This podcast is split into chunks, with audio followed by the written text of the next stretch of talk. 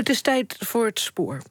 Volgende week begint, het kan niemand zijn ontgaan, de Tour de France in Utrecht. Voor de zesde keer in de tourgeschiedenis start het grootste wielerspektakel ter wereld vanuit Nederland. De eerste keer was in 1954. En vandaag in het spoor terug de verhalen van onder andere oud-renners Jan Nolten, Henk Vaanhof en Gerrit Voorting. Die vertellen hoe de Tour naar Nederland kwam. Vorig jaar zijn ze geïnterviewd, intussen zijn ze alle drie overleden. En het programma is gemaakt door Erik Willems en Gerard Leenders en gemonteerd met Berry Kamer.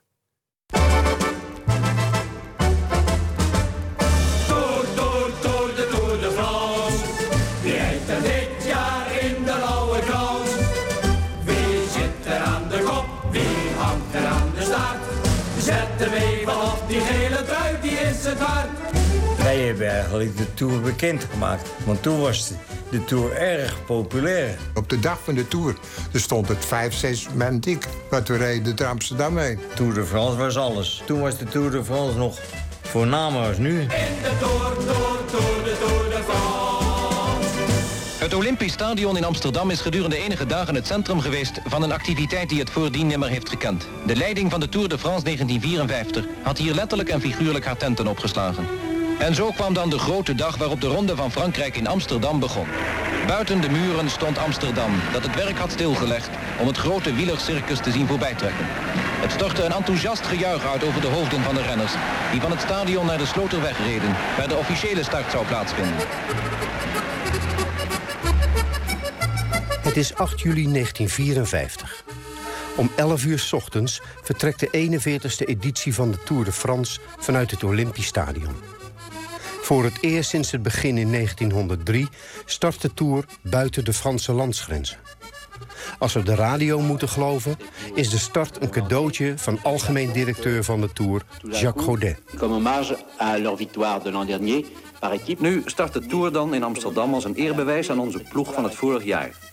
Niet alleen om hun overwinning als ploeg, maar juist om de manier waarop de renners die overwinning bevochten. De trouver des coureurs hollandais qui étaient capables de rivaliser sur les routes et surtout dans la montagne. De renners die de rivalen bleken, ook zelfs in de bergen, tot verbazing van de hele wereld.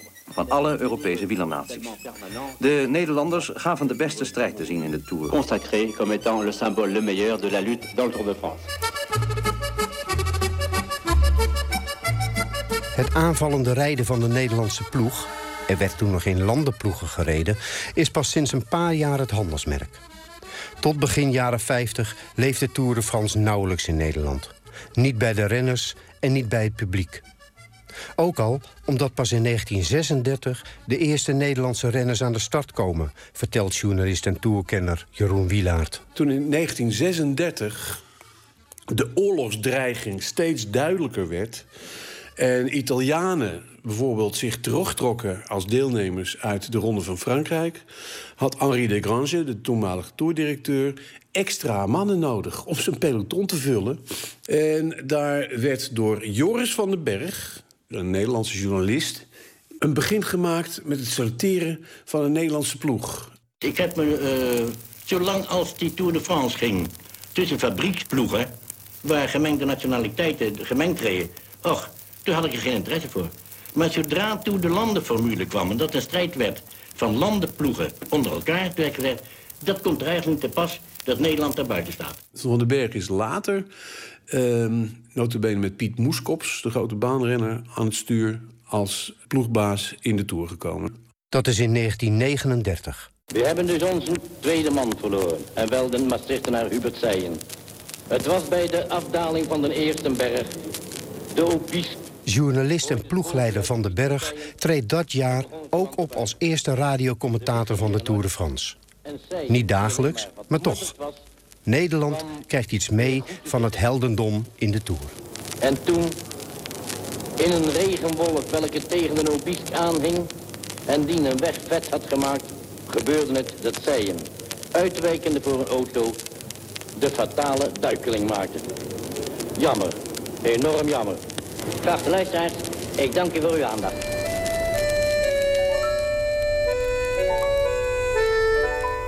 In de eerste jaren na de oorlog laat het Polygoonjournaal in de bioscoop weliswaar wekelijks een kort overzicht van de verreden etappes zien, maar de interesse voor de Tour is bij het grote publiek niet aanwezig. De Nederlandse wielenploeg, met ditmaal als ploegleider algemeen dagbladjournalist Rude Groot, speelt geen enkele rol van betekenis. Van een begeleiding voor de renners is geen sprake. Dat merkt ook de dit jaar op 92-jarige leeftijd overleden wielrenner Gerrit Voorting. In 1950 ging ik voor het eerst naar de Tour de France. Ik wist natuurlijk van de bergen niks af. En toen heb ik laten vragen aan Stan Okkers, die Belg... wat voor een verzet ik moest zitten. En nou, dan geef je dat door aan een mechanizijn. En ik wou dat hebben en toen zeiden ze... Huh, dat is veel te licht. En ik kreeg mijn versnelling niet. En, nou, dan ben ik de, van start gegaan. En de eerste berg ging wel, de tweede ook. Maar de derde was een zwaardere. En toen had ik dat lichte wat ik in mijn hoofd had... had ik eigenlijk nodig, maar dat had ik niet. Nou, toen dacht ik bij mij... nou, dan gaan jullie maar verder en ik schijn ermee uit. Want ik kreeg mijn versnelling niet. En toen ben ik op een steen gaan zitten. En zodoende heb ik toen opgegeven. Slechts één van de zes gestarte Nederlandse renners haalt in 1950 de eindstreep. Mijn vader uh, is behoorlijk succesvol geweest als wielrenner. Was in 1934 uh, met zijn 21 jaar wereldkampioen bij de amateurs. In 1950 toen heeft hij een vreselijk ongeluk uh, gekregen in de buurt van Freiburg. En meer dood dan levend opgeraapt. Aan het woord is Pierre Pellenaas, zoon van wielrenner Kees Pellenaas die na het ongeluk zijn wielencarrière moet opgeven. Hij is toen benaderd door een aantal mensen, uh, waarvan ik me nog herinner, Rude Groot, journalist, en uh, Piet van Ierland, uh, oud-wethouder van de gemeente Tilburg, maar ook zeg maar een soort wielermanager. Die twee hadden de jaren daarvoor hadden zich ook bezig gehouden met, de, met ploegleiding van de, van de tourploeg toen. Maar dat was allemaal niet zo geweldig succes. En bovendien wilde eigenlijk geen behoorlijke wielrenner naar de Tour toe... omdat er niks te verdienen was. Mijn vader heeft toen gezegd, ja, ik, ik, ik doe dat. Ik uh, wil best die ploegleiding opnemen voor die uh, Tourploeg 1951. Maar uh, dan moet ik er wel voor zorgen dat ik een aantal goede wielrenners tot mijn beschikking heb. En die waren er natuurlijk. Wout Wachmans, Gerrit Voorting, Wim van Est. En, uh, maar dan moet ik ze wel een behoorlijk daggeld kunnen garanderen. En toen heeft hij een aantal sponsoren uh, bij elkaar gezocht... waarvan uh, de Pontiac Horloge de bekendste is op mhm. dat moment. En zo zijn ze dus vertrokken. Met de komst van Kees Pellenaas breekt een nieuw tijdperk aan voor het Nederlandse wielrennen. De Amsterdammer Henk Vaanhoff dit jaar op 93-jarige leeftijd overleden, is in 1951 een van de vertrekkende renners. Kools in die tijd, dat was niet bestraat. Dat was dus zoals de weg was, zand en leem en keien en, grind en al van alles door elkaar. Het, het kleinste blad wat we in die tijd hadden, dat was een 46 blad van voren. En een 24 kamwiel van achteren. En uh, dat was ook een beetje een samen uh, gesteld geheel. Dus een, een, ploegleider die uh, voor de eerste keer ook meeging. Kees Pellenaars. Toen reden we allemaal bij andere fabrieken. Ik reed zelf voor Peugeot. En de Van Est reed voor uh, Garin. We, we, reden allemaal behoorlijk goed.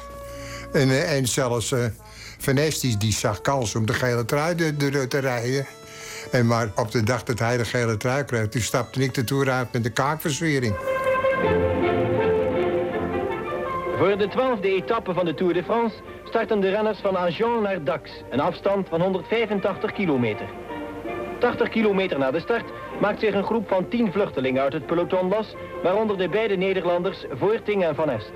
Prachtig door Voorting gelanceerd weet Van Ester op de wielerbaan van Dax een onweerstaanbare sprint uit te persen... die een winnaar maakt van de etappe en hem bovendien als eerste Nederlander in de geschiedenis van de Tour... de befaamde gele trui bezorgt. Ploegleider Kees Pellenaars, die zo'n groot aandeel in het succes had... helpt een handje om de laatste vouwen glad te strijken. Wim van Est had toen de gele trui veroverd. Daar zat ik ook bij. En toen hebben we de, dan de was dat, geloof ik. En toen zat hij met Manji. Ik was al ver doorgegaan. Maar Wim wou met Manji blijven, want die daalt snel. Maar ja, de eerste, berg, de eerste bocht, toen was Wim al gevallen. De tweede bocht, nog een keer. En de derde keer viel hij weer, maar over een muurtje heen. En die viel toen 75 meter diep. Maar er stond een Belg, die stond daar en die in het pijl. En hij zat, Wim is recht doorgereden. Anders had hij nu... Hadden ze hem niet gezien. Nou, toen zei G. Peter, zei ze, daar ligt een boterbloem. Want G. Hij had een gele trui aan, hè, Wim van Nest. En toen hebben ze ook in blok opgegeven. Maar ik was al door. Dus ik ben... En toen mocht ik wel de volgende dag vertrekken. En dan werd ik ingedeeld bij de Zwitsers en bij Hugo Coplet en zo. Maar dat wou ik niet. Ik ben ook naar huis toe gegaan. De volgende dag is de val van Van Est groot nieuws in de Nederlandse kranten. Ellenlange artikelen beschrijven op heroïsche wijze de val in het ravijn. Maar op de radio is niets te horen. Jeroen Wilaert. Jan Coutard is al in 1949 door collega Rude Groot, ook een journalist, opgezadeld met de opdracht om maar commentaar te geven uit Frankrijk. Maar dat was nog heel sumier. Eh, In de jaren 50 verandert dat. Alleen in het begin niet dagelijks. En eh, in, in lange uitzendingen. En Cotard miste dus ook de eh, wonderbaarlijke val van Wim van Est in het ravijn in 1951. En toen is ook in Nederland eh, het besluit genomen dat eh, het toch wel noodzakelijk werd om er dagelijkse sportverslaggeving uit de Ronde van Frankrijk te laten doen door Jan Cotard. Luisteraars, we onderbreken hier het Zonnebloem-programma om over te schakelen naar Luchon... waar Jan Coltard een reportage geeft van de finish van de 11e etappe in de Tour de France. Over naar Jan Coltard. Ja, mijn eerste tour, een 52, had ik mijn eigen pit. Ja, dat is zelf betaald. Die was al drie jaar oud. De Limburgse wielrenner Jan Nolte, vorig jaar juli op 84-jarige leeftijd aan een tweede hersenbloeding overleden, is in 1952 door Kees Pellenaars in de Tourploeg gekozen vanwege zijn klimmerskwaliteiten. Hij kon klimmen. Dat is een van de beste. Ik kreeg altijd een tandje, misschien wel twee, zwaarder dan een andere. Ja, en dat was een geweldige klimmer. Het was een Limburger, maar die, die, die, die had het meegekregen van, van huis uit. Dat blijkt dat jaar, in de laatste Alpenrit. In Sestriere in Italië is de Tourcaravaan begonnen aan de 12e etappe naar Monaco, een afstand van 251 kilometer. In een gesloten peloton trekken de renners tegen de bergen op. In de afdalingen komen ze altijd weer uit elkaar te liggen. Deze etappe wordt een grote triomf voor onze jonge landgenoot Jan Nolten. Ook weer berg op, berg af. En op een gegeven moment zat ik bij Koppie, Patali, Rubik, Okkert en ik. Dan ben ik weggereden. In de voorgaande dagen heeft hij zijn goede vorm reeds bewezen. Hij kan een kleine voorsprong nemen die hij op de Col de la Turbie door uitstekend klimmen en door een gedurfde afdaling zo weet te vergroten dat hij in Monaco onbedreigd als winnaar over de streep komt. En daarmee is dan de eerste Nederlandse etappezege in deze Tour een feit geworden. Een paar dagen later is er in Bordeaux nog een tweede Nederlandse ritoverwinning. Het Polygoonjournaal reageert euforisch. Pellenaars en zijn mannen vormen een hechte eenheid die het buitenland graag wil laten zien dat de Tour de France voor Nederland geen onoverkomelijke moeilijkheden meer biedt. Waar knokken we voor,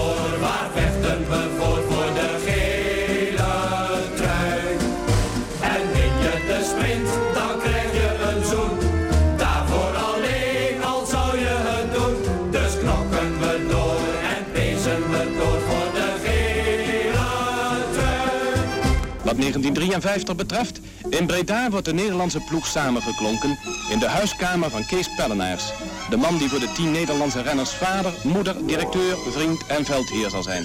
De macht van Kees Pellenaars wordt aan de lijve gevoeld door Henk Vaanhoff. Kees die deed dus de Tour in. En ik ging niet mee. Daar lag ik mee overhoop. Geldsommen die klopten niet. Maar ja, toen hebben we een beetje een bondje geschopt en een beetje ruzie gemaakt. En, eh, en dat soort dingen meer. En eh, toen liet hij me staan. Er waren nog wel eens wat conflicten over, uh, over geldkwesties. en mijn vader die had misschien wel wat transparanter kunnen zijn... over wie wat kreeg, hoeveel kreeg iedereen. Al dus zoon Pierre Pellenaars. Hoe het ook zij, de Nederlandse ploeg onder leiding van Kees Pellenaars... en gesteund door fietsenfabrikant Locomotief en horlogemaker Pontiac... zal in 1953 zeer succesvol blijken. De eerste Nederlandse etappezege is voor Gerrit Voorting. We waren met vier man weg, drie Fransen en ik zat erbij. En ik reed heel goed. Ik voelde wel tot ik kon winnen, maar ja, die Fransen... dat zijn altijd wel een beetje rappe sprinters... en ik ben geen, geen sprinter van, van huis uit. Nooit geweest. Maar ik reed zo hard, ik reed zo uit de wielen aan. Met groot gemak behaalde Voorting in de sprint de etappezege. Het was de eerste etappe-overwinning in deze Tour... waardoor Nederland opnieuw in de volle belangstelling van de hele wielerwereld kwam te staan. Nou, dat, dat was natuurlijk geweldig, een etappe winnen. Een paar dagen later is het weer raak. En opnieuw in Bordeaux. Alleen uit een groep van vijf schudt op 32 kilometer van de finish Nolten zich los. En begint met een zeer grote versnelling onbedaarlijk te rijden. Men moet al hard lopen, wil men hem bijhouden. En dat lukt geen van de renners meer. Ja, en dan werd hij gewonnen. Nolten. Die triomfantelijk de laatste 30 kilometer naar Bordeaux alleen rijdt... door tienduizenden toegejuicht... en tenslotte zegevierend in hetzelfde stadion binnenrijdt... waar Dekkers het vorig jaar eveneens de tweede etappezege... voor de Nederlandse ploeg heeft behaald. Onze clubje met Wim van Nes en Wachtbans, het zo Nolte... wij hebben eigenlijk de Tour bekendgemaakt. Want toen was de, de Tour erg populair. Want er iedereen, fabrieken, die hadden een hekel aan ons. Omdat uh, om vier uur, half vijf... nou, ze legden alles neer en ze gingen buiten naar de radio luisteren. En dat was natuurlijk voor zo'n fabriek een tegenvaller. We willen het winnen, we hebben een kans. Doe je best en win de lauwe krans. De overwinningen zorgen ervoor dat in Nederland de tourkoorts oploopt. We, we kenden dus allemaal het routeschema. En verder uh, ja, zaten we, ik met mijn moeder en ik, aan de, aan de radio gekluisterd... zoals vele Nederlanders. En luisterden we naar het commentaar van, uh, van Jan Cotard. Luisteraars, wij moeten hier het programma onderbreken... voor een uitzending van de Tour de France. Een reportage van de finish van de 17e etappe zal worden gegeven door Jan Cotard. Er was smiddags een uitzending over de radio. Dat uh, die ploeg was weg, of die renner was weg, of die was weg. En dan krijg je in de sigarenwinkels. Dan kwamen ze werden ze bulletins opgehangen. Die, die, die namen. Ja, dat werd wel bijgehouden door de sigarenwinkels. En dan later kreeg je een kleintje. En uh, in handschrift stonden dan de eerste tien van de uitslag stonden op een, uh, op een papiertje. Niet wachten tot de volgende dag. Nederland omarmde door Van Est en door die commentaren van Jan Cotard op de radio... en een man als Barend Schilper ooit in het Algemene Handelsblad... Uh, die Tour de France als een, als een, als een nieuw um, fenomeen waar Nederland toch maar eens even in meespeelde. En, waar Nederland als klein land liet zien hoe groot het was. Water, water! Hoeveel kilometer is het nog? Nog 61. Nou, verratten, jongens! Er zullen in 1953 nog drie overwinningen volgen. Ja, dat was natuurlijk geweldig. De hele ploeg. En toen wonnen we ook het ploegenklassement, hè. En dat was ook mooi. Ja. En na de Tour, als je dan een etappe won... dat was het voornaamste. Dan kreeg je die criteriums, kreeg je allemaal goed startgeld. 200 gulden en op het laatst was het 500, 600 gulden per wedstrijd. En wij hadden toen de tijd hadden we 30 tot 35 wielerwedstrijden, criteriums. Dus eh, daar moest je het van hebben. Tour de France verdien je niet zoveel hoor. En toen reed ik ook al die, al die wedstrijden, die criteriums in, in Nederland. Maar in die, om, omdat je niet meeging naar de Tour... dan kreeg je daar ook geen startgeld voor. Dan kreeg je 25 gulden reisvergoeding.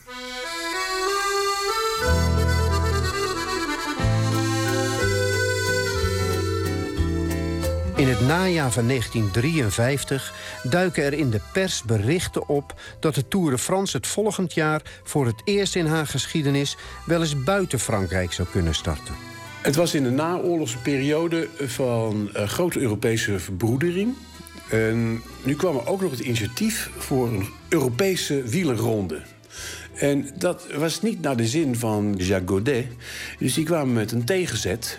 Eh, een, de sensatie van een eerste vertrek van de Ronde van Frankrijk buiten Frankrijk. Zoiets bestond niet. In Nederland houdt de nu 100-jarige Willem Pluigers, destijds uitgever van de NRC en het Algemeen Dagblad, zich met het initiatief bezig. Ik was directeur van de NRC en dat ging bepaald heel slecht. Ik wilde voor het Algemeen Dagblad wilde ik dus iets bijzonders hebben. En de, de tour werd steeds populairder in Nederland. Dus dat was een hele makkelijke verbinding. Het liefst wil Pluigers de Tour in Rotterdam laten starten. Maar hij vangt bot bij burgemeester van Walsum. Dat was volstrekt negatief. Volstrekt negatief. Ik ben bij wijze van spreken de deur uitgezet. Fietsen in Rotterdam, ik. Begrijp niet hoe u daarbij komt. Nee, dat was nul. Wat ga je dan doen? Nou, dan is Amsterdam mijn eerste keus. Begin december worden de geruchten bevestigd. Amsterdam zal startplaats zijn van de Tour van 1954... mits de benodigde 80.000 gulden op tafel wordt gelegd. En dat lukt. Op 8 juli zal de Tour vanuit het Olympisch Stadion vertrekken. Dat is geweldig. eh, Dat is toch een, een Tour de France is, was toen de tijd toch een begrip. Als die in je land kwam. Dat was een geweldige happening. De dag voor de Tour al, of de week voor de Tour al... was het veel druk in Amsterdam. Eh, veel veel eh, toeristen en zo, het ook die naar Amsterdam toegekomen waren... speciaal voor de Tour. En toen op de dag van de Tour... er stond het vijf, zes man dik. Op een of andere manier ben ik ooit in bezit gekomen van de totale tourverslaggeving uit eh, 1954 van het Algemeen Handelsblad. Vergeelde kranten, ik heb ze hier. Eh, met op de voorpagina een foto van het vertrek van de Tour uit het Olympisch Stadion. Op donderdag 8 juli 1954. De Tour begonnen, staat erboven. Uh, op de achtergrond uh, het stadion met de marathontoren. En je ziet de witte cabriolets van de ploegleiders de bocht omgaan. Um, met de weg aan weerszijden helemaal vol. Met hagenpubliek. Ze staan er wel vijf, zes rijen dik in Amsterdam dan.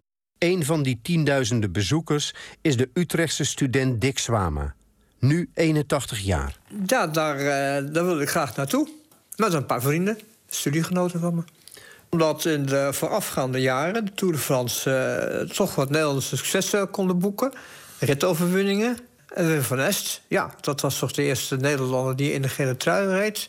Dat interesseerde me gewoon. En niet, eh, ik was niet alleen, er was heel wat volk op de been. Ja? Ja, zeven rijen dik. Dat was zeker in het begin, later, ik weet niet hoe het verder parcours was geweest. Hoe het uh, er toen uitzag, maar uh, met het Olympisch Stadion was ongelooflijk veel volk op de been. Ja. Als je achteraan stond, had je gewoon pech. Dan hadden ze van die mensen van die periscopen, dan konden ze nog iets zien. Van papier gemaakt. Ja, een spiegeltje erin. Konden ze nog wat zien, ja. Ja. Een bijzonder fenomeen is de zogenaamde reclamekaravaan. Bont uitgedoste auto's met de vreemdste merken. Ja, uh, chocola, het was uh, kaas, uh, drank. Suze. Ja, en in die wagen van Suze, daar stond op het dak stond een, een, een juffrouw, de naam weet ik niet meer. Maar die stond accordeon te spelen. Franse liedjes. En uh, het hele publiek was helemaal... Ja, die vond het schitterend. Hm. En dat was het ook. Voor alle duidelijkheid, de accordeoniste heette Yvette Horner... en was aan het einde van elke etappe tevens rondemis. In een van de reclameauto's zit Pierre Pellenaars, zoon van de ploegleider. Ik was uitgenodigd met uh, mijn uh, negen jaar om mee te gaan in de reclamekaravaan in de, de auto's van Pontiac. De eerste etappe tot Braschaat en de, de, tweede etappe ging naar Lille. En ik geloof dat ze gestopt zijn bij de, de Franse grens. De Pontiac uh, dealers, juweliers in Nederland en België... die hadden op hun privéauto hadden ze een, een imperiaal staan. En daarbovenop een grote klok met uh, als opschrift Pontiac tijd, juiste tijd. Nou, ik mocht dan mee en uh, mijn taak was om uh, heel de dag tic-tac Pontiac eh, te roepen. Door de microfoon? Door de microfoon. Na een laatste controle begonnen de 110 rijders uit zeven Europese landen aan de tocht naar Parijs. Via een route van bijna 5000 kilometer, waarvan er op deze eerste dag ongeveer 200 door Nederland zouden leiden. Bijna een half uur na de start bereikte de snelrijdende karavaan in gesloten de buitenwijken van Haarlem. Ja, dat, was natuurlijk geweldig. Want je woonde in Haarlem. Werd je naam natuurlijk geroepen en zo. Nou, dat was geweldig. Nou, en dan door, mijn geboorteplaats kwam ik toen de tijd. Vels hier bij de Hoogovens. Nou, wat de mensen daar allemaal stonden. Enfin, in, in, in Brabant ook overal waar we reden. Dan was er veel- ontzettend veel publiek. Ja, toen was de Tour de France nog ja, voornamer als nu. Toen de tijd. In het begin. Toen wij de succes hadden. Want voor die tijd waren er nooit geen successen. En wij toen met die jongens reden toch altijd tamelijk goed. Over de oude weg ging de karavaan verder naar Den Haag. Ook hier stonden weer duizenden mensen langs de kant. Maar in zijn eigen landstreek in Brabant trok Wachtmans er tussenuit. Ja. En Woutje won toen de eerste etappe. Was ook geweldig in Braskaat, hè. Er was een tegelpad, een breed, en daar reden wij op. En Woutje ging over de keien en die sloop, die reed zo weg bij ons vandaan. En hij won. Dat was toen een feest. Meeste keren kregen we een fruitcocktail met een beetje champagne erin. Maar ja, je kan geen feest vieren, maar je moet naar bed. Volgende dag staat weer een dag door van 200 zoveel kilometer. Want de kilo, toen de tijd waren de kilometers wel langer hoor. De etappes.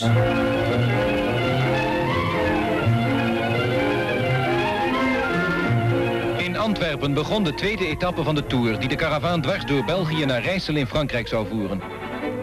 Tweede dag eh, ja, kwamen we dus onder Brussel eh, richting, eh, richting Lille, Rijssel. En toen hadden ze tegen mij verteld... Pierre, in het Frans is het geen tic-tac Pontiac... maar is het tic-tac Pontiac. nou, dat heb ik braaf de, de hele middag uitgesproken. Eenmaal in Frankrijk rijdt Wachmans nog een aantal dagen in het geel. De Nederlanders weten nog twee etappes te winnen. Eentje door Wim van Est en de andere winst is opnieuw in Bordeaux. Na een rit van 343 kilometer. Die, die start toen pas om 6 uur 's morgens. 4 uur je bed uit, 6 uur starten. En we hadden een, denk ik, een 200 kilometer gereden. En toen demereerde ik. Zomaar een beetje uit verveling en zo. Want we reden een leuk tempo. 2, 33, 34, 35 in het uur. En dan zit je een beetje te vervelen. Dus, en, ja, en ik demereerde. En ik was weg. En toen kwam er eentje bij, toen kwam er nog eentje bij. En op het laatste, en dan kwam Jan Nolte kwam er ook bij. Want Nederland zou de traditiegetrouw in Bordeaux weer moeten winnen. Op 20 kilometer voor de finish hadden deze zes maar even een voorsprong van 7 minuten op het grote peloton. Even voor de, de baan had ik nog gedemareerd. Kon als eerste de baan op. Daar komt Wolten binnen. Wolten alleen met een voorsprong van 50 meter.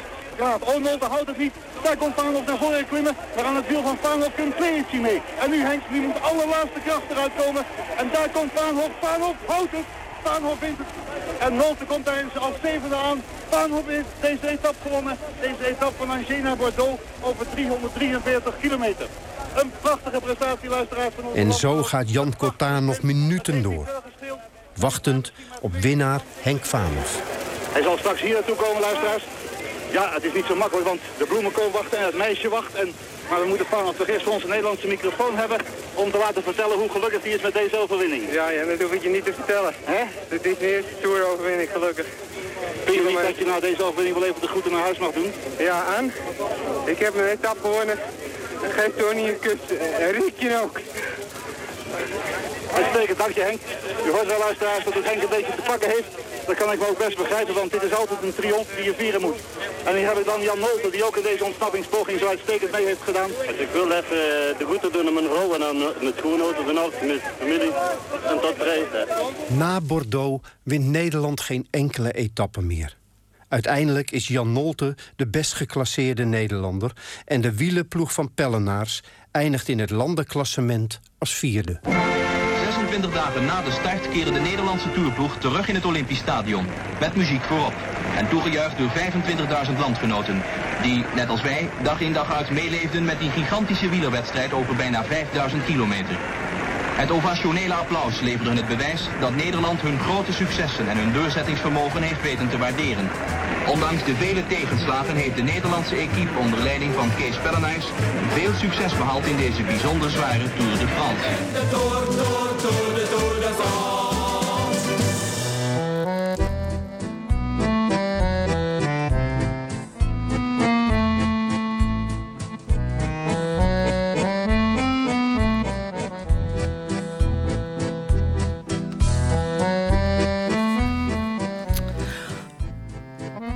U luisterde naar het spoor terug over hoe de Tour van 1954 naar Nederland kwam. Met dank aan componist Wouter